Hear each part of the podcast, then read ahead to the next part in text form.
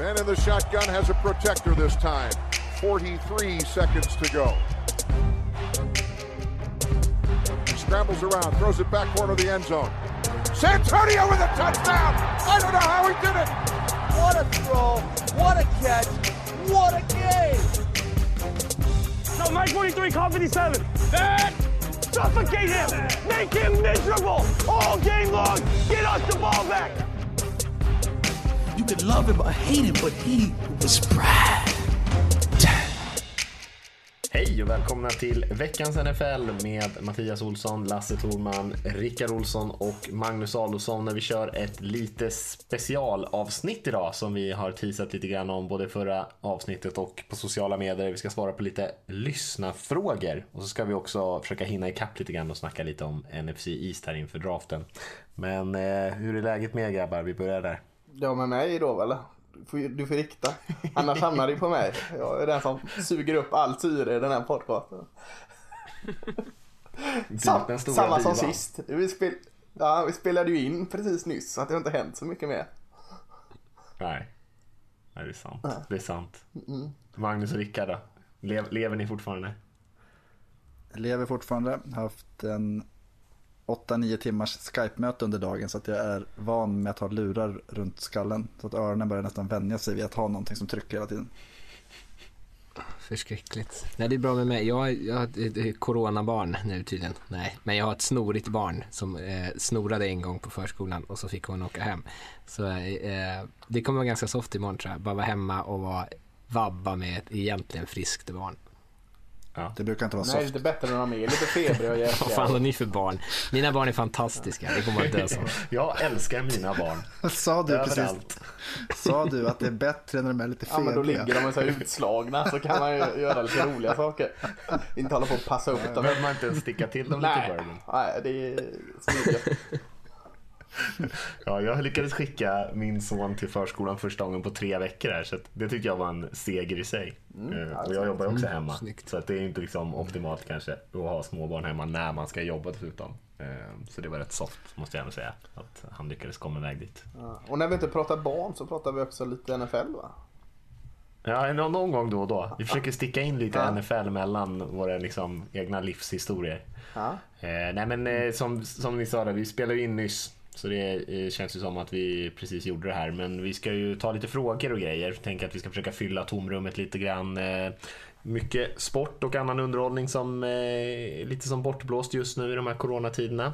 Så försöker vi i alla fall bidra med någonting och fördriva tiden med. Och, Ja, vad gör vi folk har fått- som inte är intresserade av sport? Alltså vad, vad... Jag är med på På spåret. Ja men det är ju, alltså, kollar man repriser då eller? Alltså jag är ju också på spåret men fasiken vad det är svårt att fylla eh, luckorna hemma nu alltså. Vad gör man? Ja, det är. Virkar Jag tycker man? ändå att det är tur att det inte var liksom under, eller för, för, de som, för oss som följer NFL så är det ju i alla fall inte NFL-säsong. Så det brukar ändå, för mig brukar det vara lite mindre sport den här tiden när det är NFL-säsong. Men jag, först, ja, jag håller med dig, det är ju, när det är absolut noll så det är klart, då märker man ju av det. Ja. Ja, det... Vad är det? Tre fotbollsligor som är igång. Vitryssland, Nicaragua och typ Djibouti. Eller något sånt där. Mm. I Nicaragua spelar de med munskydd. Ja. Men det gör de även Ja, är vanliga tider när det inte är corona. Det vet jag inte. De har ju så en och en halv meter emellan sen när de tar bi- lagbilden inför match. Ja, såg det. jag. Spännande. Det är svårt att tackla varandra om man ska börja hålla det Ja, avståndet. det, är, det är gult kort direkt. Safety zone. Ja. Eh, nu ska vi försöka hålla oss på spåret här lite grann. Men, eh, eh, men som sagt, vi hann ju inte riktigt med NFC East förra gången för vi hade så kul när vi pratade om defensiva linjespelare. Så att, eh, vi kan väl börja med att snacka om de lagen innan vi kommer in på frågorna. Vi har fått in massor av frågor så det tackar vi för från alla lyssnare och eh, många bra frågor också. Så eh, vi ska ge det ordentligt med tid. Men eh, ska vi börja riva igenom NFC East? Vi har gjort som, eh, vi har ju som alla divisioner att vi kollar lite på lagen, vad de har för behov här nu efter Free Agency kvar inför draften och vad de draftar någonstans och vad de skulle kunna tänka sig att sikta, sikta in sig på. Så eh, vilket lag tycker ni att vi ska börja med i East? Vi kan börja med det sämsta va? Eh, Redskins. Mm. För det är... Förutom att de har en bra front seven så finns det ju inte jättemycket att gilla i, i det laget. Eh, Och inför draften så har de ju andra valet. Sen så väntar de ända ner till 66 innan de har sitt nästa. Och det tredje valet som de har i topp är eh, 108. Eh, och det tycker jag är en ganska intressant position. För många förutsätter ju att eh, Redskins som har ett behov av en edge-spelare kommer välja Chase Young som nummer två. Och det har jag tänkt hela tiden att det är solklart. Men med tanke på att de inte väljer förrän nummer 66 nästa gång så undrar om det inte lockar lite att trada ner därifrån till något annat lag för att kunna plocka något annat. Eh, och tittar man på deras trupp så skulle ju det någonstans legitimera att de kommer ändå inte vinna någonting närmsta åren. Eh, så det skulle kanske vara bättre att samla på sig lite om man tänker att något lag vill upp och ta eh, Toa, Miami Dolphins till exempel. Mm. Så skulle man kunna få en hel del draftkapital och sen bygga upp truppen lite mer långsiktigt. Eh, men nu tradar vi ju inte här utan då är det ju Chase Young som många ser som draftens bästa spelare. Eh, och han skulle ju göra deras defensiva linje än bättre. Den är redan bra. Eh, sen så är det ju ner till 66, då händer det ju en hel del. Det är många bra spelare som är borta. Jag tycker offensiva linjen ser helt okej okay ut på högersidan. Men egentligen center och ut på center, left tackle, left guard bör uppgraderas på något sätt. Och jag eh, skulle kunna tänka mig att man tar Matt Hennessy center från Temple där med 66. Eh, sen så har man en ung quarterback i Dwayne Haskins och han behöver ju vapen. Adrian Peterson och Terry McLaurin är väl hans främsta vapen. Eh, tappade vet han, Jordan Reed, tight end. Så att antingen att man skulle plocka wide receiver med sitt tredje val eller någon av de här, vi pratade om ends för några veckor sedan, att plocka någon av de skickliga passmottagarna som Hunter Bryant från Washington till mm. exempel. Mm. Det är lite tabu alltså för oss att föreslå att någon plockar en tight end någonstans i rundorna nu när vi talar ner det så. Så, mm. så jag, jag applåderar. Nej, det här är ju, det här är ändå det här är ju fjärde rundan. Ja, jag applåderar att du ändå vågar ta en tight end i fjärde. Det är. Colby Parkinson ja. kommer bli stjärnan i den här draften tror jag. Nej. Mm. Ja, Nej, men lite så någonstans. Att jag...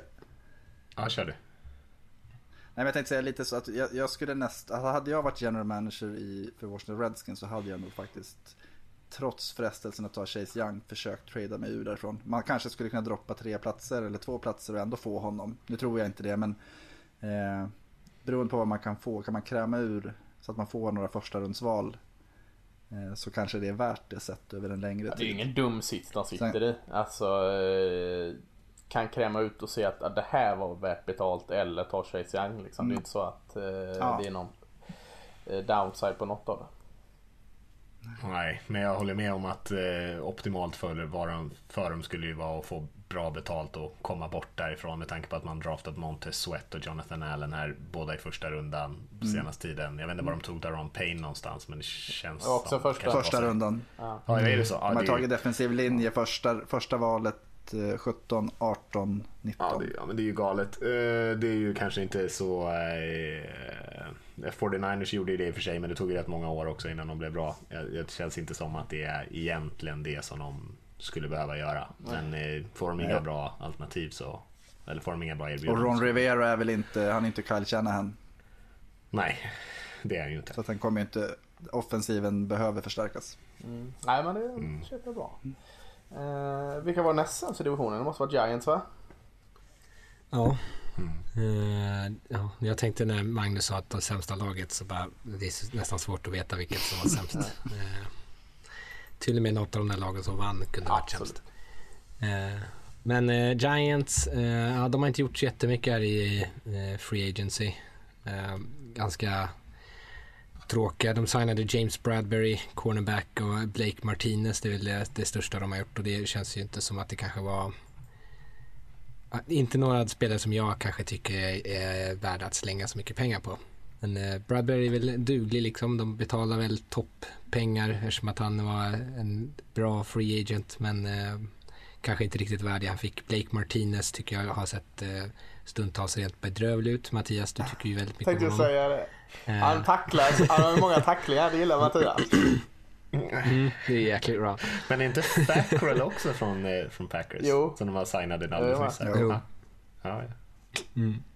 Uh, alltså inte så jättemycket uh, väsen av sig. Ja, och framförallt så uh, känns det väl som att man kanske inte tog hand om den offensiva linjen. Man hade Cameron Fleming från, från Dallas och eh, Mike Remmers. Eh, nej, han släppte dem förresten. Ja, eh, ja, så det är inte så jättemycket så kanske som de borde ha gjort. Eh, och i draften så eh, de är, ligger högst upp och lite samma sak då med Redskins. Eh, att byta ner sig så mycket som möjligt. De har val nummer fyra. Har de möjlighet att lura upp något lag att trade upp för att plocka en quarterback eh, och skutta ner skulle ju vara alldeles utmärkt.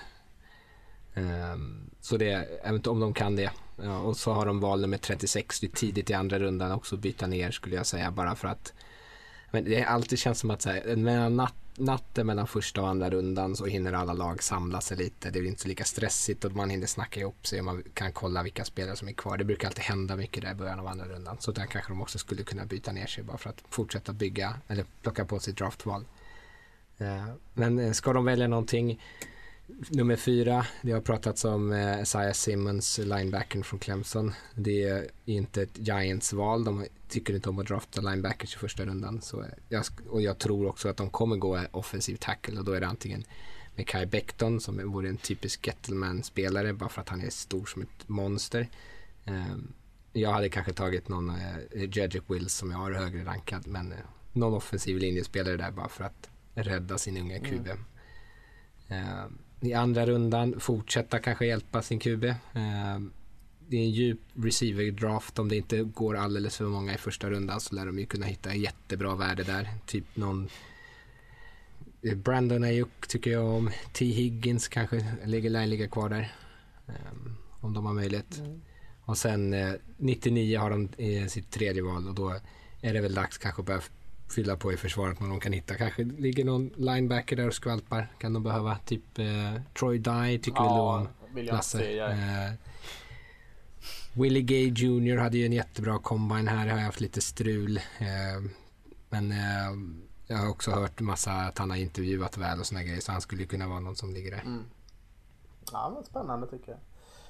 Willie Gay Jr är jäkligt bra i eh, passförsvaret också. Fan vad bra han är där. Jag mm. lite, var lite feg när jag satte betyg på honom. Men, men ja. Eh, Cowboys var väl eh, tredje sämst. Eh, och det följer lotten på mig då. Konstigt. Eh, och de har varit ganska aktiva i, i uh, Free Agency. Uh, brukar de inte vara. Eller de var väl det förr förr men inte de senaste 5-6 åren. Men de har tappat Conan Baron Jones. De har uh, tappat uh, Edge Robert Quinn. Uh, D-Tacker Malik Collins till Las Vegas och Randall Cobb gick till Houston tror jag, receiven där. Fyllt på med liksom påfyllnadsspelare skulle man kunna säga, inte någon stjärna. Så Gerald McCoy har mattat in dealen från Panthers och precis som från Panthers också där Don Poe, D-tacken.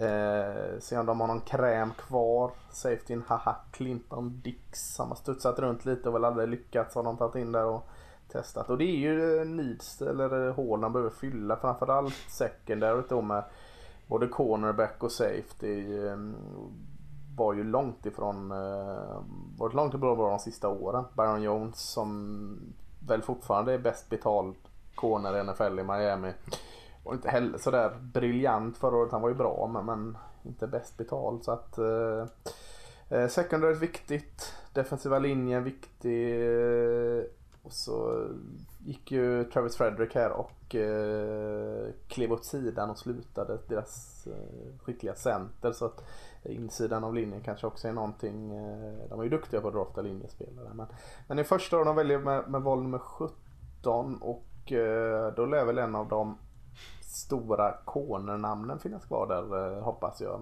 Eh, skulle kunna tänka mig att sånt som CJ Henderson i Florida skulle vara eh, passa väl in i, Cowboys. Christian Fulton i LSU ligger väl, borde ligga kvar där också.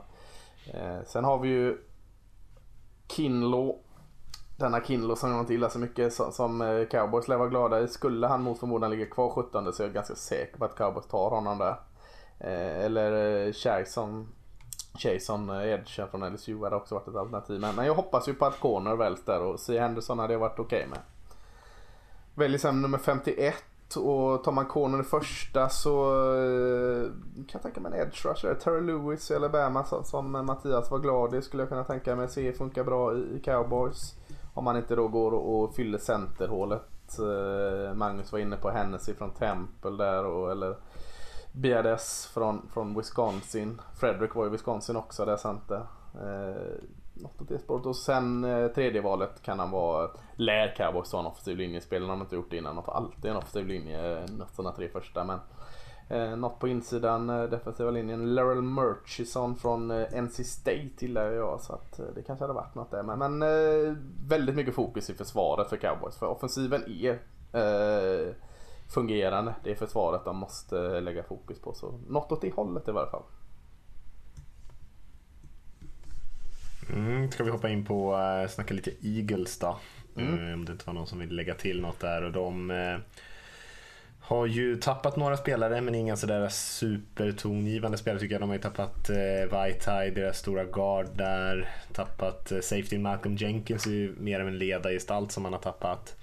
Eh, Jordan Howard sin running back och sådär lite annat. Eh, Darby också, cornern, men egentligen inga, inte så stora avbräck tycker jag. Och eh, man har heller inte gjort jättemycket i Free Agency för att signa spelare. Man har ju signat Hargrave, eh, Javon Hargrave, som är liksom en run en springspelsstoppare eh, i mitten där eh, som är duktig. Så det tycker jag är en smart signering. Eh, annat har man inte gjort sådär jättemycket i Free Agency och eh, man har ju en ganska bra trupp. Darius Slay. Ja, Darius Slay tradade till. Man tradade till sig Darius Slay. Ja, exakt. Eh, så det var ju ett stort, eh, stor addition såklart. Eh, men man har ju en ganska bra trupp, hade ju det redan förra säsongen och det var ju mycket skadorna som sänkte Eagles. Och det är väl lite bredden som de har lite behov att fylla förutom receiverpositionen. De har ju fortfarande Alshon Jeffrey och Deshaun Jackson, de gamla gubbarna där. Men eh, man skulle behöva fylla på där. Eh, jag är inget stort fan av eh, Arthiga Whiteside där, eller deras unga receiver. Eh, och de skulle behöva få in lite speed framförallt där. Eh, övrigt skulle de ju behöva fylla på lite på offensiva linjen, skulle behöva få in eh, kanske någon linebacker till och en, eh, en någon duktig pass rusher också. Och eh, lite på vad de siktar på i draften. Det beror väl lite på hur eh, draften faller för dem. Eh, som sagt, de är väl intresserade av, de draftar ju inte förrän nummer 21. Eh, och vad kan vara kvar där? Ingen av de här eh, toppnamnen på receiverpositionen och jag skulle kunna tänka mig att de är intresserade av Ruggs eller eh, Ayuk möjligtvis om det är senare som är liksom snabba spelare på receiverpositionen. Eh, och det känns väl för tidigt för Brandon Ayuk va? Ja, men Ruggs som han finns kvar känns väl... Eh... Ja, Ruggs som hans ja. finns kvar är ju ett drömval för dem ja. skulle jag säga. Um, så att eh, vi skulle kunna vara snälla och ge dem den där. Och sen eh, i andra rundan så ska, kommer man säkert sikta på någon typ av pass rusher eh, edge-spelare i så fall. Eh, men om ni har några tips på vem det skulle kunna vara som är intressant för dem där. Ja, edge eller pass rusher, det andra är det ju inte... Ja, 53. Vad kan finnas kvar där? Ja, det är svårt att hitta någonting där. Då gäller det att hitta. Mm. Ja. För annars är det ju nästan o-line djup i så fall om man kan få in någonting Nej, där på corner, alltså de har ju Darius Slay där nu men uh, vad har de mer? De har Russell Douglas, Sidney Jones har inte direkt rosat marknaden och Avante. Maddox är väl i bästa fall en utfyllnad. Så skulle ju kunna kolla på en corner där också eller safety. Mm. Uh, om det lockar något mer som finns kvar där. Sen bytte de ju bort nummer 85 där för, mm. mot Slay. Så de är ju inte, sen är de ju inte nere förrän i slutet av tredje rundan och draftar. Så de har ju inga jättebehov tycker jag. Receiver är ju det tydligaste. Mm. Um, men det är ju tur det eftersom de inte har så jättemycket höga val heller. Nej, Nej men receiver eh, känns ju då rätt läge att ha behov av just receiver i år eh, med mm. ganska hett toppskikt. Mm. Så är det ju. Ja. Så är det. Ja, känner vi oss nöjda med NFC istället? Vilka vinner den? Redskins. skulle bara säga om det skrattar. Det skulle förvåna. Eh, jag tror, det står mellan Eagles och Cowboys igen men jag ah, tror att Eagles vinner. Jag trodde, jag trodde de skulle vinna den förra gången. De gjorde det väl i och för sig va? Men det var ju väl på lika många vinster som Cowboys i slutändan. Nej, de hade en, en, en, äh, vinst. En med, Nej, Cowboys byter ju eventuellt här nu till ett 3-4 eh, eller jo 3-4 försvar och ny HC, ny DC och väldigt mycket eh, så jag kan tänka mig att det tar lite tid att få det på plats. Så det känns väl spontant som att Eagles får bära favoritskapet även i år. Det var någon som jag lyssnade på någon podd där de pratade om det att alla tre lag förutom Eagles har ju nya huvudtränare och koordinatorer mm. och så. Så mm. bara, om, om det inte blir en off-season så är det, har man en ganska stor fördel av att ha samma huvudtränare, offensiva koordinator och defensiva koordinator i Eagles som man har haft de senaste tre åren. Att mm. man inte behöver implementera så mycket utan det är bara, ah, men vi plockar upp där vi var förra året, skador Nej, precis. Uh, nej, så det, det talar ju för Eagles. Men jag tror inte den kommer vara så jättegrann uh, i år heller, uh, eh, NFC Det känns inte så va? Nej, jag håller med. Nej, men det är klart att Eagles och Cowboys är inte dåliga lag på pappret. Får de till det så kan de ju vara farliga. Ehm, kanske framförallt Eagles tycker jag. Men eh, ja, det är ju mycket om där. Ska vi ta lite frågor? Jag vet att eh, vi har fått in många. Eh, Magnus, du har ju sammanställt dem. Så du kanske kan eh, ta lite lidi och dela ut lite paket till oss. Jajamän. Eh, jättekul. Jättemånga frågor och eh, många intressanta frågor. Eh, vi börjar uppifrån här och en spelare som var väldigt debatterad under förra året är Antonio Brown och Kalle Strand undrar hur sannolikt är det att AB kommer tillbaka till NFL nästa säsong? Vilket lag kommer han spela för? Rickard, tror du att han kommer tillbaka till Raiders? Nej, han kommer inte tillbaka till Raiders. det, det har de varit rätt tydliga med. Lite bra show ändå. Mm. Eh, nej, jag har ytterst svårt att se att han kommer tillbaka till något lag. Eh, den enda som det har pratats om är att Tom Brady skulle ha pitchat av någon anledning eh, för honom. Men det har ju Buccaneers varit ganska tydliga med, eller Bruce Arians varit tydlig med att de ska inte plocka in honom. Vet du vilka Antonio Brown tränar med just nu? Eh, sin lilla kusin där, Hollywood Brown och din älskling Lamar Jackson. Yes. Såg jag att du twittrade ut lite oro kring, men han har ja. säkert gott inflytande.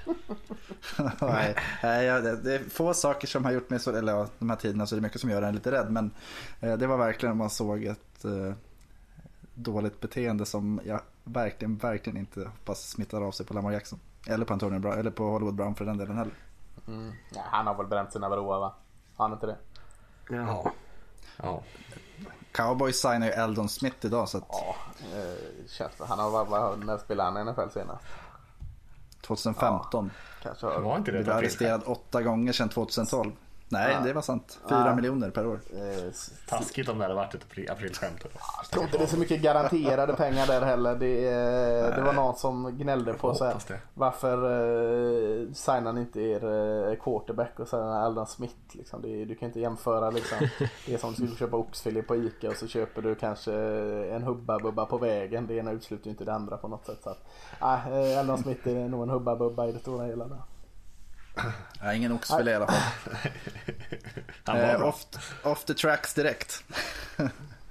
eh, Mattias, Martin Larsson undrar vad vi tycker om Bengals Free Agency. De har spenderat lika mycket i år som de tidigare tre säsongerna tillsammans. Mm. Med denna taktik plus att förhoppningsvis Burrow i första samt andra höga picks tror ni att de klarar av att vända skutan och få till en vinnande säsong redan i år?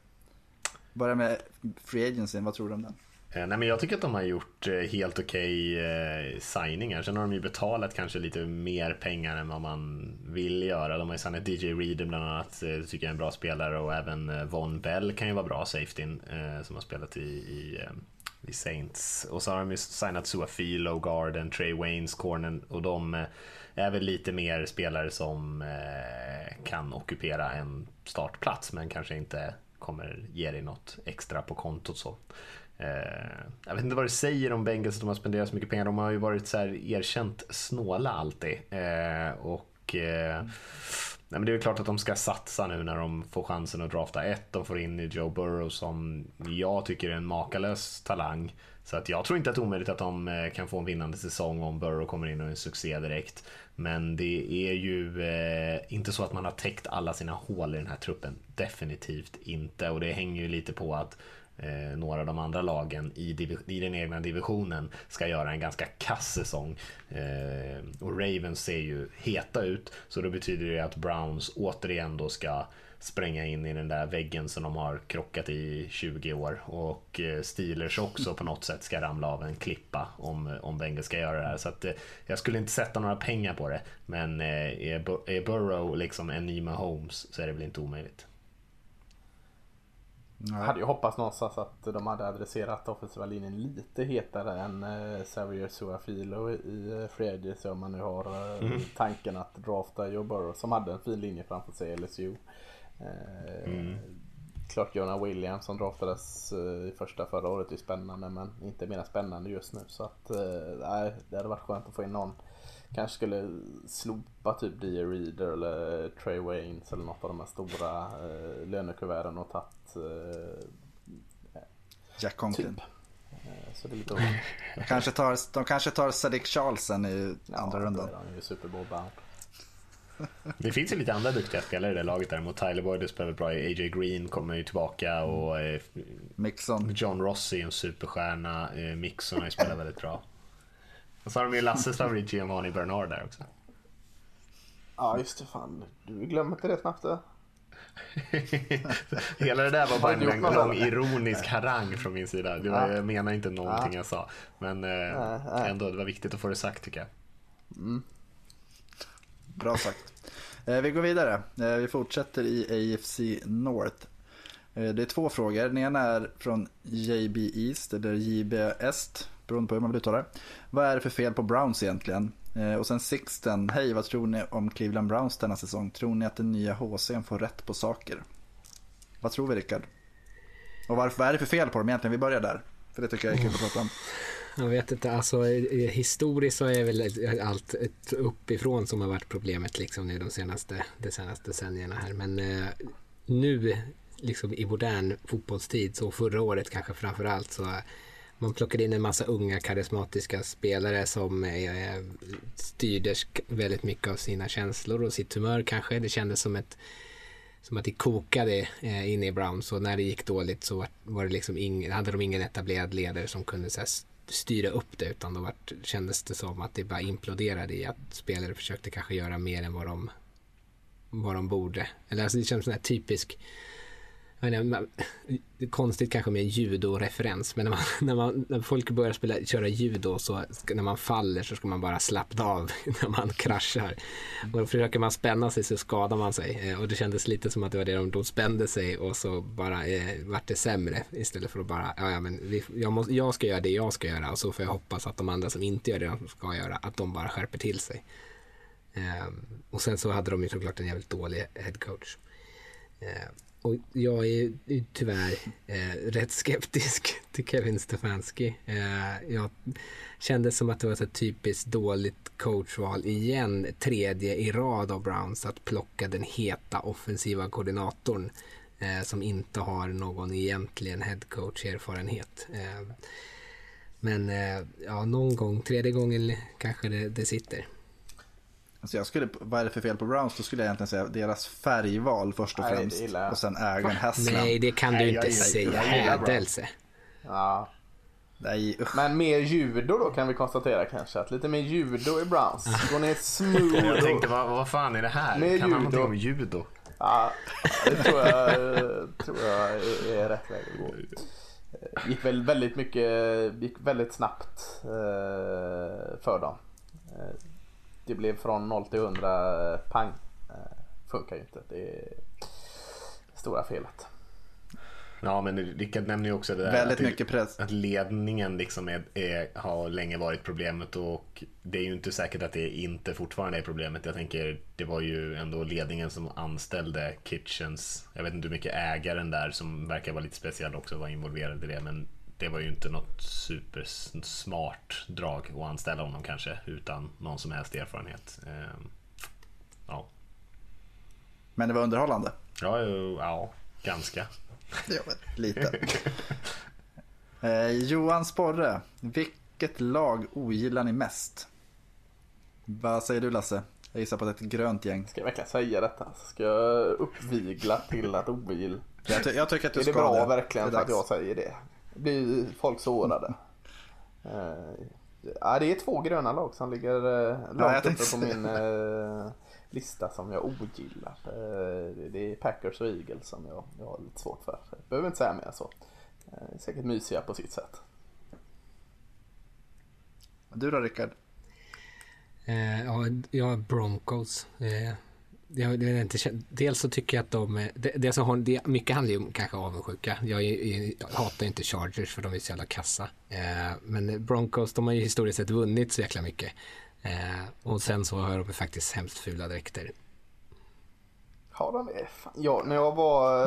Eh, Orange ja, du vet, jag, och vitt. ja, det här är roligt. Ja, orange och brunt, Jag det blev lite retad. Ja, det tycker jag. Det är I coolt. femman eller något, när jag gick årskurs fem så var jag över i USA och så köpte jag en sån här uh, jacka, en Denver Broncos jacka. Gillar inte de det, här är på cowboys. Men jag tyckte den var så fräck. För den var blå och så hade den en chockorange luva.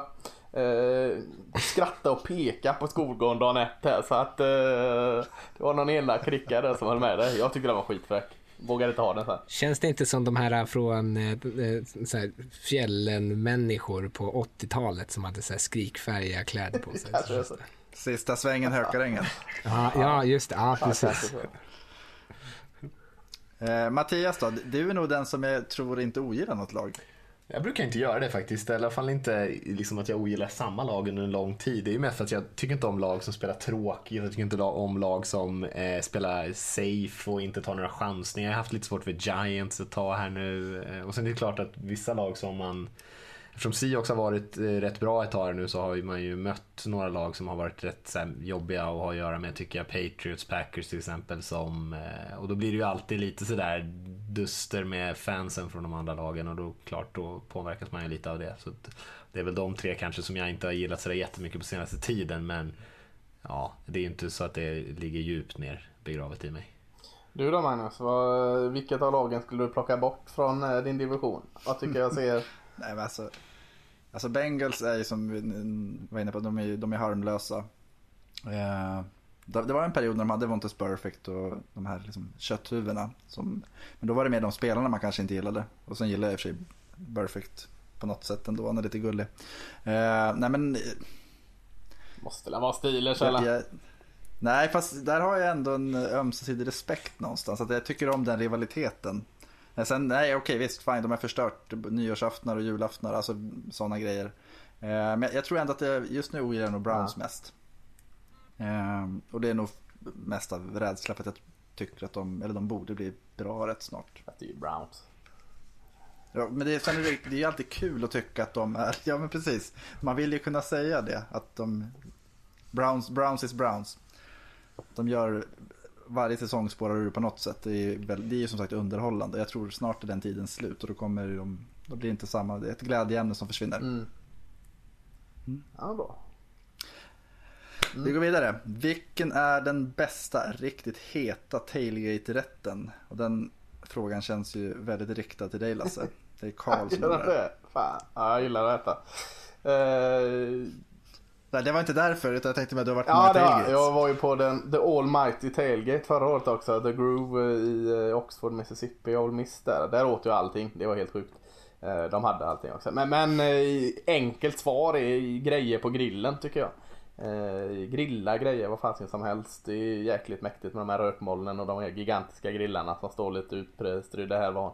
Sen eh, grillpreferenser har ju alla olika. Det går ju sällan fel. Men grejer på grillen tycker jag är, och så ska det vara eh, kall dryck i en sån här stor kylväska så du vet du får frostskador på handen när du tar upp den. Det, eh, det tycker jag hör till. Mm. Har ni andra någon sån här favorit tailgate-rätt? Nej, Jag håller med. Grillat, det känns ju väldigt rätt. Kan inte du komma med ballerinakex eller något här nu? eh? Ja, du, han, du är ju 20 tooth. Ja, alltså om, om jag ska, om jag ska här, börja kakor så är det så schyssta chocolate chip cookies. Det, det, går, det är aldrig fel. Det går att göra dem på grillen också by the way. Ja, det går det. Jag, paj kan man göra på, det, på grillen. Det har jag gjort många gånger. Mattias, paj alltså, eller grillat? Ja, men alltså, tailgate ska det vara grillat. Sen om du snackar matchmat då finns det mycket annat som är gott också tycker jag. Men, men om vi snackar tailgate då är det väl eh, de klassiska eh, grejerna liksom. Mm. Eh, varför inte grillad burgare eller något, något sånt liknande. Det, det ska väl inte vara så komplicerat tänker jag. Vad tycker du då Magnus? Har du något eh, fondue alltså, eller något sånt? Lite... Som, så, nej, alltså, jag, skulle vilja prova, jag skulle vilja prova typ en gambo eller jambalaya. Jag tycker det ser så häftigt ut. Ja, det åt jag jävligt mycket i Oxford. Svingött. ja. Men eh, jag vet att när man har varit i Baltimore så har de ju både grillade crab cakes och sen eh, jag tycker om att de, de korv med bröd det låter ju lite torftigt men de har ju ofta lite roligare så här, grillad paprika och lök som man lägger på. Så det är så här, chili dogs och liknande. Mm, så det är rätt häftiga grejer. Eh, Mattias, du fick ju prata om Eagles nyss. Eh, vad behöver Eagles för att bli contenders undrar David? Typ samma fråga som vi nästan hade känner jag. Men, det, eh, mm. nej, men jag tycker de är, de är nästan tillräckligt bra för att, att vara det. De behöver ju in, undvika skadorna eftersom de har, som vi var inne på där, rätt mycket tongivande spelare som är lite äldre. Eh, alltså om vi nu inte räknar in vad de nu förstärker med, så eh, blir det ännu viktigare. Och eh, inte minst Carson Wentz också, quarterbacken som har haft en hel del skadeproblem. Så det, det är väl undvika skadorna och sen träffa rätt på några enstaka beslut här i draften så tror jag att man ligger ganska bra till en ny fystränare borde ju ligga högt upp på listan alltså. Mm, exakt. Jag trodde du skulle säga en ny quarterback. Uh, nej, uh, han, han, kan få det. Han får fortsätta ha kvar det, det känner jag mig trygg med. Han har inte vunnit något med honom. Uh, nej men en ny fystränare. Uh, fasken vad de var sköra. Ja, de, de faller som käglor. Eh, nästa fråga kommer från A Huggable Kind of Guy. Ja, det är faktiskt det namn som vi har på honom. Han undrar ju vad Lasses favorit bourbon är. Det har ju Lasse skickat till sig själv. Det jag ja, det var det. Stämmer ju med. Jag visste att det var något lurt. Huggable. Uh, ja, ska jag svara på det? Alltså, det är inte NFL-relaterat. Uh, ja, det lär ju vara en Lasse som svarar på ja, det. Uh, ja, det var fräckt att säga Pappy van Winkle här, men det låter för pretentiöst. Uh, Ja, men en, en uh, Woodford Reserve ser jag finns ganska eh, ofta på hyllorna i Systembolaget uh, och inte allt för dyr så att den är fin. Det var mitt första destilleri jag var på i Kentucky. Jag har varit det tre gånger sedan dess så att kan tro att jag får betalt för att säga detta. Men, men Woodford Reserve är prisvärd och, och finns ganska ofta på hyllorna i Systembolaget. Den där frågan skulle man ge till Ja, han är också duktig. Men han skulle nog sagt George T. Stag där. Det tror jag eh, Foggelin är glad i. Det är lite mer fancy pansy i bourbon.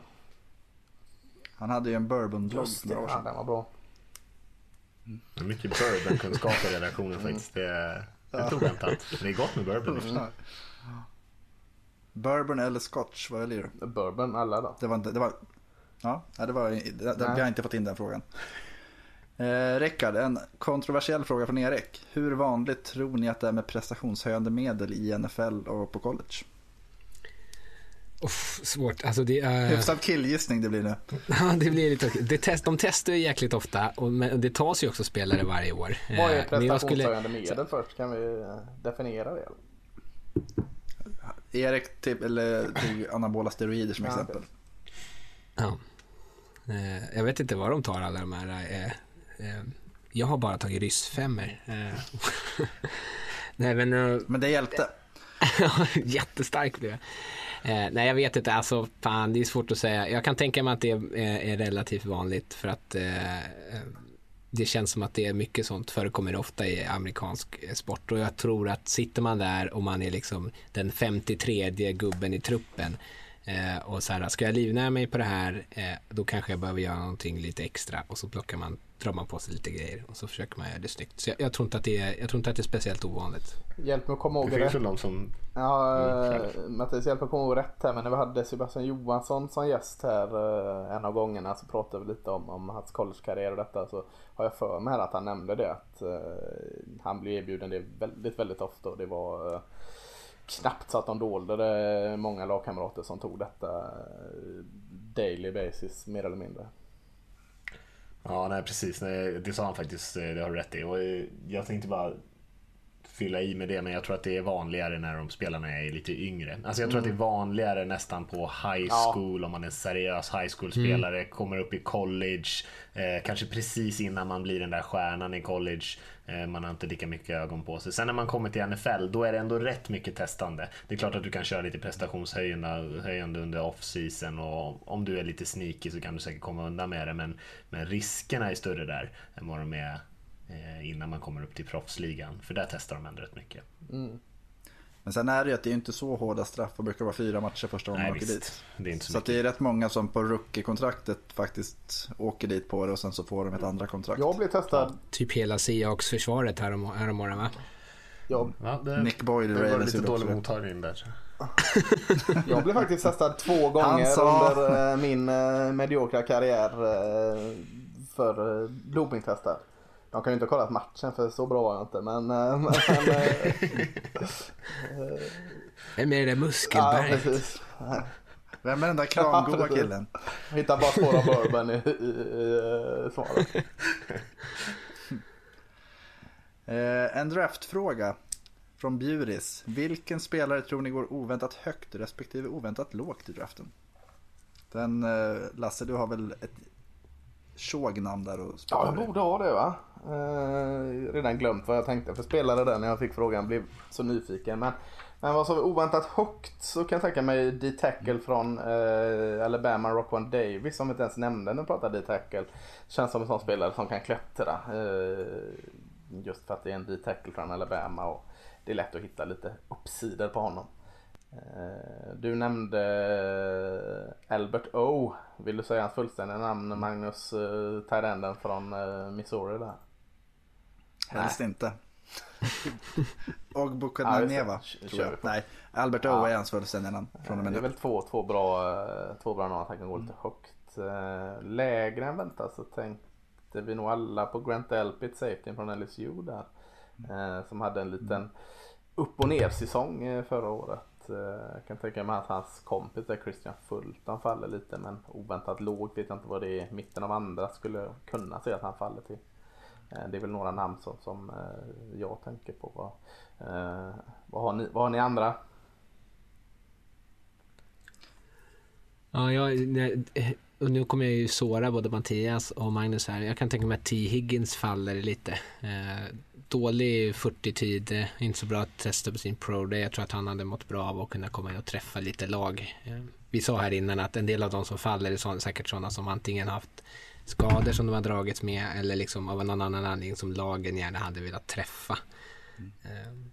Det jag tror att han hade tjänat på att kunna springa lite routes och, och fånga lite bollar och så. Mm. Och högt, det, så här, personliga favoriter är svårt att inte säga. Jag skulle kunna tänka mig att ska jag säga, Noah Igbonegene, eller Iggy, eh, från, eh, cornerback från eh, Auburn som jag, som jag är verkligen jätteförtjust i. Jag kan tänka mig att han smyger upp någonstans i första rundan eh, och det pratas det inte så ofta om just för att han har ett jättehögt tak. En riktig Al Davis-värvning. Ja, gud ja. ja. Mattias, har du några? Nej, Nej, inte som jag kommer på på rak arm. Jag, vet inte, jag funderar lite på eh, Jerry Judy från Alabama, receiver som nästan alla tror jag har som nummer ett receiver, eller nästan alla jag har sett.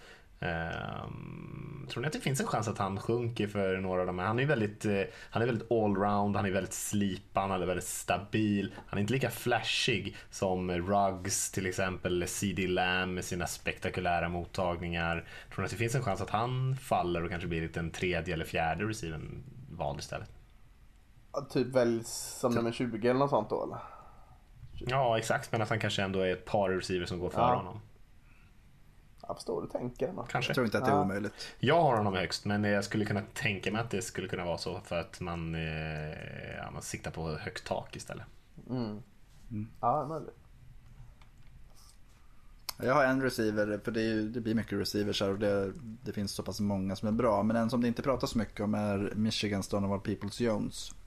Eh, som en jättetalang men fast i, ett, i en värdelös offensiv egentligen på Michigan. Jag skulle inte bli förvånad om han går i andra rundan redan. Det är inte så många som pratar om honom överhuvudtaget. Nej. Eh, nackdelen är att det är en väldigt, väldigt bra klass men eh, hans, hans råtalang är ju i paritet med de allra bästa egentligen i den här draften. Mm. Mm.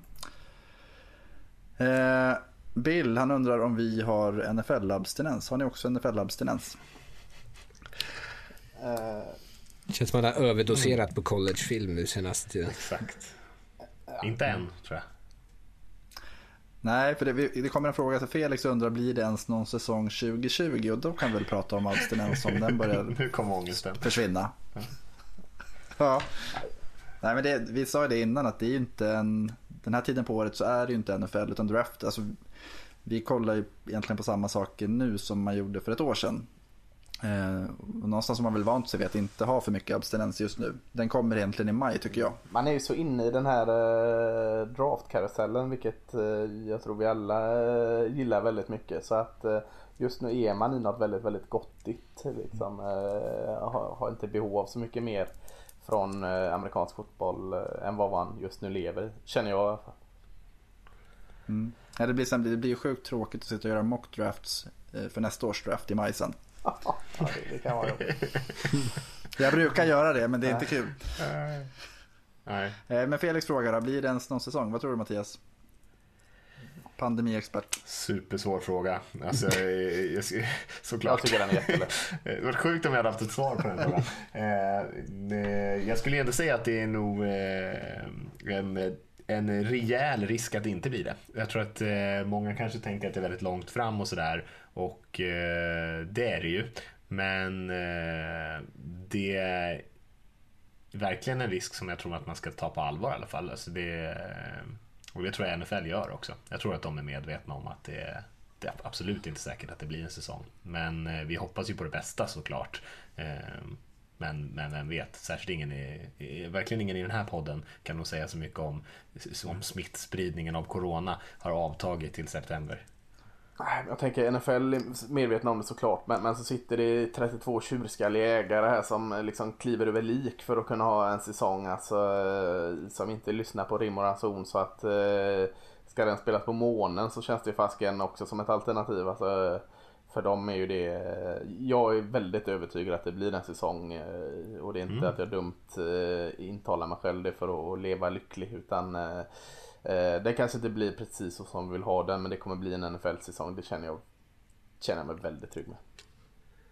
Ja, jag, jag skulle tro det också. Någon så här halv, halv säsong typ eller så här, man spelar sex matcher eller något, bara någonting för att få, för att få ja. en säsong. Bara för att dra in lite pengar. Jag, jag, jag, har svårt att tänka mig att de kommer Ja, när ägarna kommer. Alltså, så skulle det kunna vara men att säsongen drar igång lite senare då tänker mm. ni i så fall. Eh, eller tänker ni att man bara, mm. ja, de, ja, det är De har ju rätt mycket tid här mellan februari och draften så de har ju skapat sig genom att ha flyttat bak draften till april så har de ändå skapat sig ett utrymme på liksom året i att liksom, ja men vi har möjligheten att faktiskt flytta bak allting två månader och, utan att det egentligen blir jättestora konsekvenser. Ja, och de har också möjlighet att planera rätt länge för eventuella scenarion om de inte skulle kunna köra det. För det är klart att de skulle mm. kunna köra det tv-sänt med ingen eller liten publik men det låter ju inte så ja, jättekul. Men eh, mm.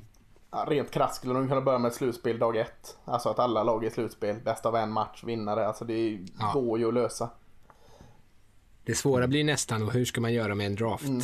liksom, nästa år? Ska Bengals få ha nummer ett mm. igen? Nej, då vänder man Nej, på men då kör man som Snake Draft som det är, ja, det är kul. Snake Draft som det är i uh, fantasy. Att, uh, väljer man ett i första så väljer man sist i andra och så vidare. Det blir intressant när alla börjar trada med varandra då. Ja, nej som sagt, vi kommer väl förmodligen få svar på den frågan allt vad det lider. Men som sagt, att jag, jag är nog lite inne på Mattias linje. Jag tror inte att jag har svårt att se att det kommer dra igång i september och det handlar egentligen inte bara om coronas, alltså hur länge det tar innan det försvinner. Risken är väl snarare att det tar om då om man ska lyssna på vad folk säger. Eh, utan det är ju mycket det här med förberedelsen också. Att säga att de inte får träffa spelare och sånt innan juli. Det är rätt mycket arbete som görs under maj-juni.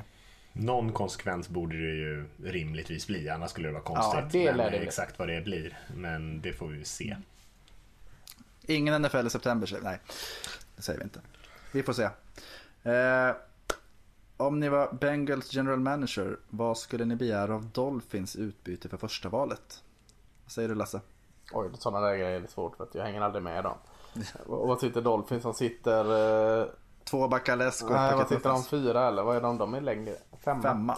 Ja, det vill jag ju ha då såklart. Femte valet. Eh, eh, de har två val i första rundan va? Eller de tre till och med? Tre. Tre. Eh, då tar jag gärna två av de valen. Så tar jag första även nästa år och så något andra val där. Och så kanske slänga in några spelare som man är lite sugen på så känns det rimligt. Vad säger ni andra? Skulle ni tagit den dealen om ni var Bengals? Nej. Nej. Nej, inte jag heller faktiskt. Men, eh. Det är, svår, alltså nej, det är svårt. Byt inte bort menar, första de, valet. Nej, men alltså, om de tror på Burrow, då ska de ha fem första val. Minst. För, liksom, alltså det, det går, ju, går ju inte att sätta ett pris på det egentligen. Alltså de, om de dessutom byter till sig Dolphins val eh, i framtiden då och Dolphins tar Burrow och spelar bra, då kanske de sitter och draftar någonstans på nummer 20. Får de ändå inte tag i någon quarterback, eh, hur många första val de än har, eh, om Burrow är bra. Så att det, men om de tror att han är så bra som, som många av oss tror, då, då skulle jag inte byta honom för nästan något pris tror jag. Nej. Det, det, skulle vara om de vill ha Tova istället. Då skulle jag nog säga att Miami ni måste trada upp med eh, med eh, vilka som är Lions två. först. Med, nej, och Redskins. sen snackar vi. Ja, då är det en annan situation om de gillar Tua också. Mm. Nästan mm. lika mycket. Då, då är det en helt annan situation. Mm. Mm. Eh, Gustav undrar om Patriots kommer gå med Stidham eller blir det trade? Hoppas ju. Mattias, vad tror du? Fan vad man hoppas. Gissa vad Patriots ska göra. Det känns som att eh, det, det är liksom eh, och sätta huvudet i eh, hängsnaren höll jag på att säga. Eh, frivilligt. Eh, nej, jag tror de kommer spela med Stidden. Ja, jag tror det också. Hoppas det. Är det en klassisk tanke? De släppte ju han vi pratade om förra veckan som är Cody glömde, Kessler. Cody Kessler idag. Det ryktades lite om någon som skulle spela Edelman som QB här. Men det tror jag inte på. Hoppas. In i slackchatten. Exakt. Jag, jag läste det någonstans på Twitter också. Så jag vet inte, det, kanske var, det, kanske var, det kanske var Jonas, Det var som, Jonas där som också. skrev det där också. Hans egen teori. Sveriges Adam Schefter. ja. ja, det är det är som släpper han som jäkligt mycket bomber. fejkade nyheter och tog alla nyhetsreportrars Twitter-handle och sen så twittrade ut massa fake-grejer. Jag kommer ihåg honom. Ja, Kallar sig för tänk vad mycket man Rappaport. kan göra med sitt liv. Ja. Han är känd nu. Ja, man kan bli känd för mycket. Ja. Rickard, eh, Tommy undrar vad tror ni om en internationell game varje vecka då det är utökat? Skulle det funka? 17 Alltså- matcher per år. NFL skulle nog gilla det. det är ju, jag tror att de bara försöker hitta ett ställe de kan göra det på. Men eh, det har ju Kanada. redan nu. Ja, alltså jag, jag kan tänka mig att det kommer spelas matcher i så som det gör nu i London, i Mexiko, i Kanada, någonting i Asien, någonstans i Japan eventuellt. Jag vet inte om de vågar åka dit nu i sådana här tider. Åka till Kina och spela fotboll. Eh, nej, jag vet inte. Eh, men jag, jag har svårt att tänka mig att de, kommer sätta stopp för det här. Jag tror att det kommer öka och öka. Eh, Hur, hur stort är egentligen NFL i Asien? Stort. Japan gillar det som fan. Är det? Japan Mm. är också duktig amerikansk fotbollsnation. Och baseball. De har ju haft en, eh, en Ja, vi- har väl haft huvudkvarter i Kina också. Just det. Alltså inte sitt huvudkvarter men de har haft ett, ett, ett regionalt Ett kontor där. asiatiskt huvudkvarter. Exakt. Men de har haft, de har haft massa så här grejer med Kina. De åker dit och sp- med sig spelare som glider runt och bara visar upp så, så här små eh, aktiviteter vet jag. Eh, Så de har ett, liksom, ett internationellt samarbete på något vis med liksom bortmarknader. Jag vet inte fan vad man ska säga. Men de har i alla fall ett, de har petat lite i marknaden redan. Hur många Ja, matcher är det- det det är väl internationella? Sex, sju stycken? Fem va? Fyra London, ett i Mexiko har det varit. Men är det inte en i Kanada också? Har du inte varit där? Jo, det var en i Kanada i år, sex matcher. Ja, det, var, det var en träningsmatch eh, i år. Eller en försäsongsmatch. Just Ja, det. 17, det, jag tror att det tar ett tag innan man är där. Det beror på lite på vad Jaguars gör om de väljer. Seattles nya dräkter där, eller retrodräkter, flörtar ju lite med att de ska flytta till Vancouver då. Jäklar vad de såg ut som eh, hockeylaget. Det är inte, det- jag tror det där var ju bara en, eh, jag tror inte det var ett riktigt förslag det där. Det är ju och också Jonas som spelar. gamla, gamla retro, ret, ja det var Jonas som också. Man får ta Jonas med en Ja. nypa salt. När Raiders skulle spela nu i Kanada förresten på försäsongen så eh, de hade ju inte riktigt tänkt på att eh, målstolparna i, i kanadensisk amerikansk fotboll inte står på samma ställe som amerikansk eh, fotboll. Eh, och det, det, kom de på dagen de kom dit. Bara, men vad fan, alltså bara, vi, vi flyttar dem och så försöker vi täcka över med lite lösgräs och skit. Så, och såg det ut som Colosseum igen då? Nej men de slutade med att de flyttade, bara, de flyttade en zone och satte upp koner och så spelade de liksom, eh, liksom mellan 20-yardslinjerna. Ja det var ju på Harden också. Det är väl eh, det var mm. skaderisken där. Det är väl som de gamla amerikanska fotbollsstolparna. Liksom, de står liksom ah, mitt precis. i spelutrymmet mitt så kommer man i 180 blås liksom huvudet först. men man försöker fånga bollen och titta åt andra hållet. Det är kanske inte superbra. Det lyckades ju Mike Williams göra fast den stod långt bort. Det var så han bröt nacken. Ja. Eh, Rickard, Ville mm. undrar hur det går för Raiders i år. Eh, oh, jättebra hoppas vi. Vad blir deras record? eh, jag vet inte, jag tror att slutspel är lite, eh, lite tufft. Det är en del att, förbättra. Men eh, Alltså jag, ja, jag vet inte, de var ju där och nosade innan allting kraschade förra året. Det gäller att de försöker hitta varför det var kraschade. Ehm, men eh, jag tror att man ska eh, dämpa förväntningarna lite. Det är fortfarande en ganska tuff division. Eh, men eh, jag tror att de kan vinna kanske nio matcher och vara där och, och, och, och liksom kämpa. Men de har ingen chans för divisionstiteln så det är ett wildcard och det, jag vet inte, det känns som att det är många bra lag i AFC. Blir det en Las Vegas-effekt tror du? Uh, Som i att de tjänar på att de har flyttat eller blir det Alltså i, ekonomiskt kommer de ju köra ja, ja, det. Gör de, det. Eh, vinstmässigt eh, vet jag inte riktigt. Eh, kanske.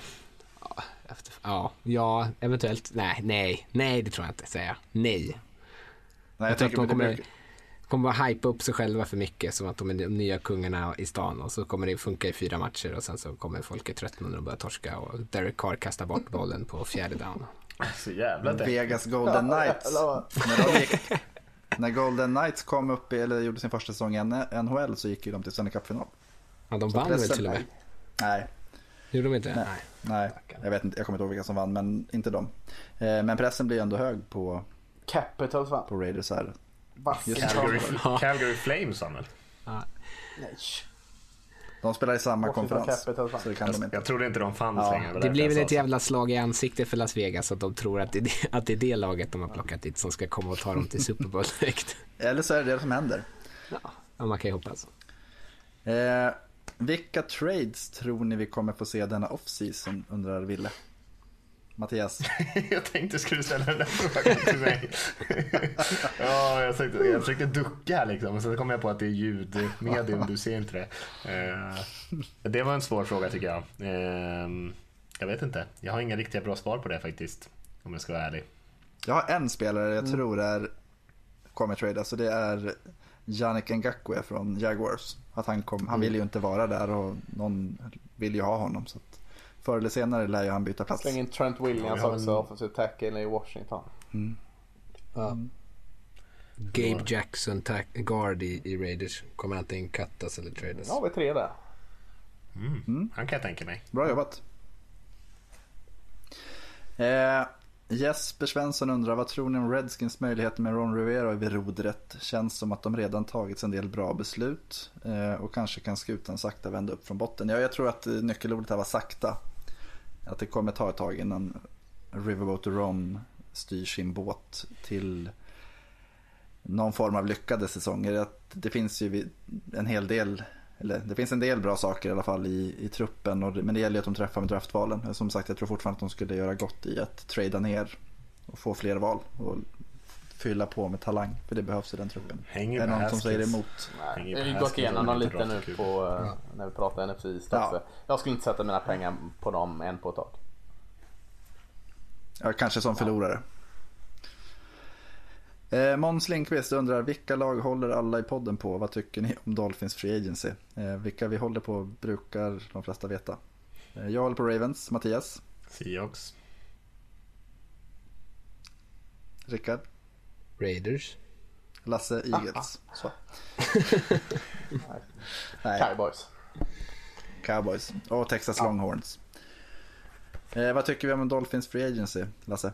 Eh, mycket pengar som delas ut. Eh, och där har man fått in jättebra spelare, eller jag vet en spännande spelare. Eh, Conan Baron Jones, Slambecken Kyle Fanoy, Dean Jack Lawson. Eh, Jordan Howard, running back. Alltså det är ju spännande spelare. De hade pengar att spendera och spendera dem. Så att eh, sen ska de få upp alla där också. Känns lite som, som Browns eh, gjorde. Eh, lite för snabbt ut med pengar. Så att eh, intressant är det ju. Det kan man inte säga annat om. Mm. Eh, Ville undrar som Bucks-fan blev man ju gråhårig av James Winston. Och visst är det väl så att han är den sämsta kuben någonsin i ligan. Den bästa, bästa sämsta. ja, okej, okay, ja, jag, jag hoppar över det. Jag är selektiv ja, jag gillar den beskrivningen. Bästa Vad tycker ni om det påståendet? Eh, är han bästa sämsta kuben någonsin? Jag gillar ju ordet bästa sämsta så att jag vill säga ja då. Alltså, bästa. Han levererar ju touchdown alltså. Och han levererar interception. Bästa sämsta. Är det sämsta bästa då? Vem skulle det vara? Brandon Whedon? Rex Grossman. Man måste ju leverera någonstans. Om man ska vara den Colt sämsta McCoy. bästa då måste man ju vara liksom dålig men ändå bra. Case Keenum. Andy Dalton. Ja, Philip Rivers. Ja, Philip Rivers är väl ja, den är inte, inte sämsta bästa. Nu kommer alla Chargers-fans på mig redan. Jag har redan sagt det är bara Jonas alltså. det är bara Jonas. Ja, nej men eh, ja. Är Winston bästa sämsta kuben? Ja, men det tycker jag. Jättefin titel. Ja, det tycker jag. Ja, då kröner vi honom ja. till det. Han får ett dasslock till krona. Eh, Erik Östergren undrar, kan ni inte köra en mockdraft? Och vi sa väl att jo, det kan vi. Men Nej, inte idag. Det, det, kommer komma. Det kommer. Eh, dead Money. Rille undrar, kan ni inte reda ut det här med Dead Money? Är det någon som känner sig manad till det? Mattias. Nej, det är inte så Rickard, vad gott du tog den tror ja, men om man ska vara så superenkel eh, så innebär det egentligen att lag betalar liksom, eller om man har släppt en spelare så kan man, kan man bli tvungen att fortfarande betala, eller det räknas mot ens lönetagsutrymme. Eh, de pengar som man borde ha betalat till den spelaren som inte längre är kvar i truppen. Det är garanterade pengarna. Precis, bland annat. Och, och så kan det vara sådana här incitament och sånt här. Alltså, eh, sånt här som de troligtvis skulle kunna uppfylla. Typ. Så, ja, för det skjuts ju på beroende på eh, hur lång tid man har signat kontraktet. Ja, det är det som är svårt. Det finstilta i Deadman är ju ganska svårt. Mm. Eh, men en, en, en, eh, enkel förklaring som du säger, det tycker jag är bra. Alltså att man betalar av vissa garanterade och eh, utlovade delar även efter deras tid i klubben om man tradar bort och väljer att inte fullfölja kontraktet. kontraktet. Mm. Och det är risken med de långa kontrakten. Mm. Ja. Eh, skillnaden mellan strong, strong side linebacker och weak side linebacker undrar Gustav. Vad säger du Lasse? Eh, ja, eh, strong side linebacker ställer ju ofta upp på den sidan där eh, motsatt sida, alltså offensiven, har flest eh, folk. Alltså ofta den sidan där tight end står om man ska göra det enklare. Eh, och, och eh, weak side linebacker logiskt nog på motsatt sida där, där, försvar, där offensiven eh, ställer upp med lite färre spelare. Syns det på något vis på den här spelarna eller liksom, eh, deras kroppsform? Ah, kroppsform vet jag inte men alltså deras spelstil är lite annorlunda. Eh, du har ju även eh, följdfrågan här vad menat med Mike och Sam linebacker. Eh, mm. alltså, det kan man också säga. Sam är ju strong linebacker. Eh, och så weak kallas ju ofta för Will. Och, och, och Mike är ju middle linebacker då. Så att det, det, är lite olika spelartyper som ska kunna falla tillbaka i coverage till exempel. Och, eh, eh, en strong ska, ska, kunna kanske attackera upp i hålet bättre. Eh, eller rör det ihop det nu eller tvärtom? Nu har jag sagt så mycket. Nej, det är sagt så mycket. Strong är väl oftast lite ja, större och weakside lite precis, snabbare. Weakside ska kunna eh, Snabb har med kroppsform Bakpaddla, säger för det fina ordet där. Eh, backpaddla lite bättre, kanske falla bak i coverage. Strong ska kunna eh, lite starkare attackera upp. Eh, Mike linebacker då ska kunna vara lite av spindeln i näten, alltså quarterbacken i försvaret om man säger så i mitten. Mm. mm. Kanon. Eh, Kim undrar om Vikings inte bränt sitt field goal under 15-1 säsongen hade de vunnit Super Bowl då? Och det tror vi väl inte va? Om, om, det är väl det året Broncos vinner va med Elway, eller hur? Mm. Är det inte det? Ja, jag vet hur kom. Jag har bara koll på Elway. Jag har sett någon dokumentär med Elway. Och så vet jag, för det är något speciellt med det här jävla field goalet. Och jag har för mig att det är att det är deras enda missade field goal under hela säsongen. Sämst när det gäller kallas det. Ja, precis. Vikings har ju haft några sådana här olyck. Ja, Kallas kultur va? karma. ja, det, ja, vikingarna har väl en del. Eh, nej men det är väl eh, omöjligt att svara på skulle jag vilja säga. Ja, ja det... I och med att vi inte riktigt har koll heller på vilka de mötte. Men John Elway var ju väldigt bra då om det var mot Broncos. Ja, det var det. Det kollade jag nu bara för det. De hade väldigt mycket pro bowlers och så här all pro-spelare Vikings den säsongen. Ja, de kanske hade Ja, vunnit. Då säger vi det. Då Det får vi aldrig veta. De hade vunnit. Jo. Ja. Ja, Kimmy de, hade vunnit, jag lovar dig. Ja, så att det suger ännu tyngre nu. Nej, men då kan jag luta sig tillbaks på det att så här, vi vann. Det var, vi missade ett field goal på hela säsongen, men annars var vi bäst av alla. Så det är skönt. Det är en, en osynlig buckla i prisskåpet. Eh, vilka är era favorit NFL-matcher genom tiderna? Individuellt tycke. Åh, oh, vad jag blir glad nu. Alltså, nu tog jag den här frågan, förlåt men alla får svara. Men, men eh, fick sitta och tänka tillbaka och eh, så kom jag på en match jag inte tänkt på på jättelänge. Eh, jag var över i Texas 2007, såg en, en eh, match på gamla arenan. Den var inte så bra, den var inte rolig. alltså. Men på söndags efter så mötte de eh, Buffalo Bills i Buffalo. Eh, Tony Romo kastade fem picks och man låg under med 24-13 i fjärde. Jag var tvungen att kolla upp detta, jag minns det så väl. Liksom. Jag var helt eh, fast på motell-tvn där. Eh, man låg under med 24-13 men sen så eh, med 24 sekunder kvar satte man en TD och gjorde en tvåpoängs eh, conversion och så med tre sekunder kvar så sparkade kicken Nick Foles in en 53 yards field goal och, och man vann den där. Så att, eh, det var så jäkla fräckt för man stannade den upp med allting. Vi skulle ut och göra något tror jag, ut och käka eller något. Eh, men så blev det ju inte. Jag var ju helt eh, begeistrad av den matchen. Så, den matchen 2007 eh, tyckte jag var jäkligt fräck. Mm. Ni andra då? Har ni någon sån här favorit? Alltså, är körde. Mattias första Ja, nej, men det är väl svårt att välja matcher sådär kan jag tycka. Jag kan, Ta någon av era Super Kanske. Nej, exakt. Så många är de inte. Eh, men 2010 wildcard-matchen där när Seahawks eh, snubblade in i slutspelet på 7-9 och mötte Saints var ju en rätt fet match med eh, Marshall Lynch, Beast Quake. Det blev ju en jäkla massa poäng i den matchen. Det är väl någon som jag minns jäkligt bra som en favoritmatch. Och det var också för att det var så oväntat att Seahawks skulle vinna överhuvudtaget. Sen åkte man ut rundan efter, men det är en annan sak. Ja, jag, jag tänker på eh, 2011 så när Al Davis dör så dagen efter så möter Raiders Texans. Eh, kan till och med jag. och när det är bara några sekunder kvar så har Texans bollen och eh, de Raiders leder med fem poäng och Texans är liksom precis nere vid, vid endzone. Eh, och så på sista spelet så är de så, på något, ja, det är typiskt Raiders sätt då, då har de bara tio spelare inne på planen. Eh, men de lyckas ändå matcha av, kastar ändå en interception eh, till Michael Huff eh, så att Raiders vinner.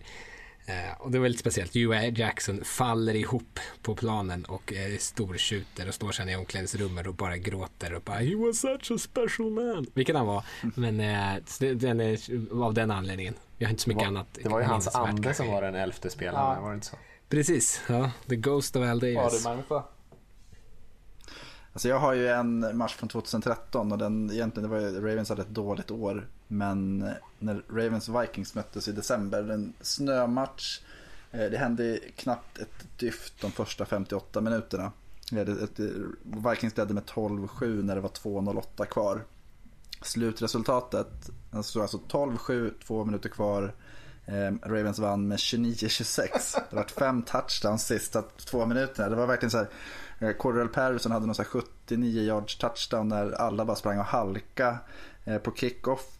Och det var på spelet direkt efter att Jacoby Jones hade sprungit hem en kick. Alltså det var verkligen så här hopp och förtvivlan. Och Marlon Brown plockade ner en TD med typ 10 sekunder kvar som gjorde att Ravens vann. Och det var verkligen jag, jag tror aldrig jag har älskat den här sporten så mycket som liksom efter den. Dels att det gick bra men också den här helt sjuka avslutningen. Att, ja, det, det kommer jag aldrig glömma och den brukar jag kolla på en gång per år i alla fall. Mm. Ja, årets. Jag tror den kallas the wildest game in NFL history eller något sånt där. Eller wildest ending eller något sånt. Ja, ja fina matcher. Mm. Kul fråga. Man får komma att tänka tillbaka lite. Mm, verkligen. Eh, vad tror ni om Lamar Jacksons möjligheter att komma i närheten av eller att upprepa eller överträffa förra säsongen? Det får du svara på Magnus.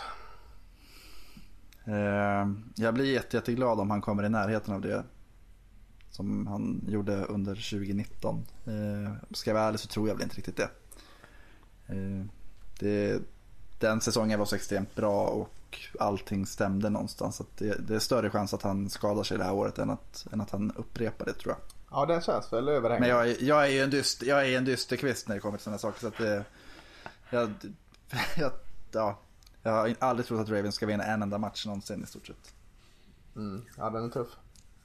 Men det är som... Vad tror ni? Om det är någon, om det är någon tröst så pratade man om Mahomes eh, efter han hade vunnit där Offensive Player of the Year. Så sa man så här, fan, allt klickade. Det kommer inte se lika bra ut nästa år. Så gjorde det det i alla fall. Mm. Knäska, eller knäskålen nu led dock. Ja, på träningsläget. Eller de har inget träningsläge när han tränar med Antonio Brown. ja, han fryser fötterna kanske, ramlar ut ur en luftballong. Eller jag vet inte vad han gör. Det finns många, många risker.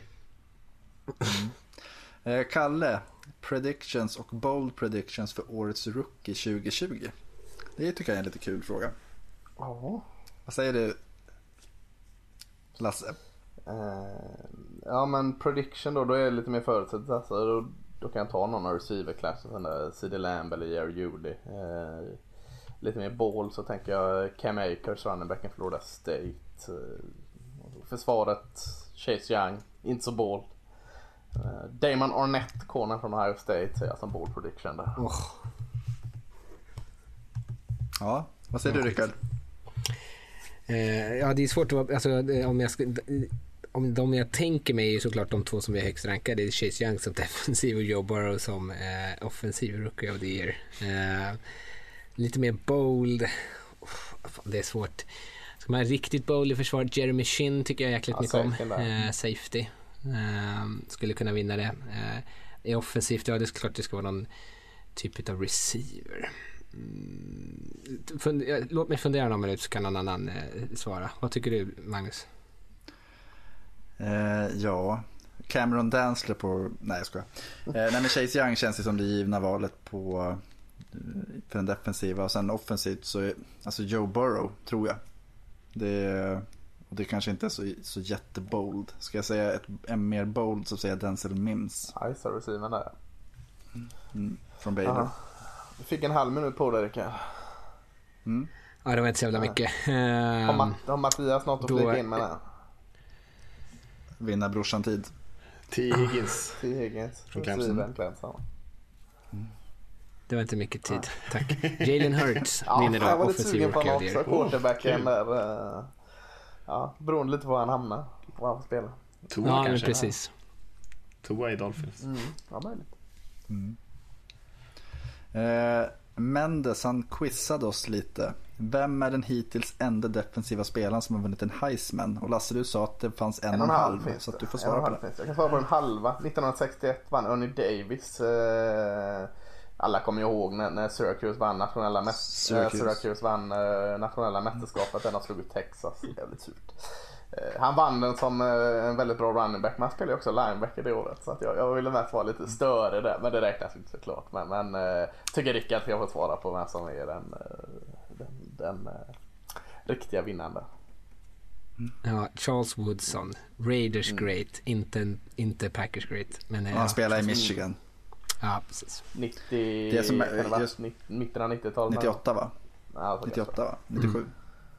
Men Ernie Davis, som du, det är lite intressant med honom. Det var väl den första svarta spelaren som Redskins draftade. Ja, kanske.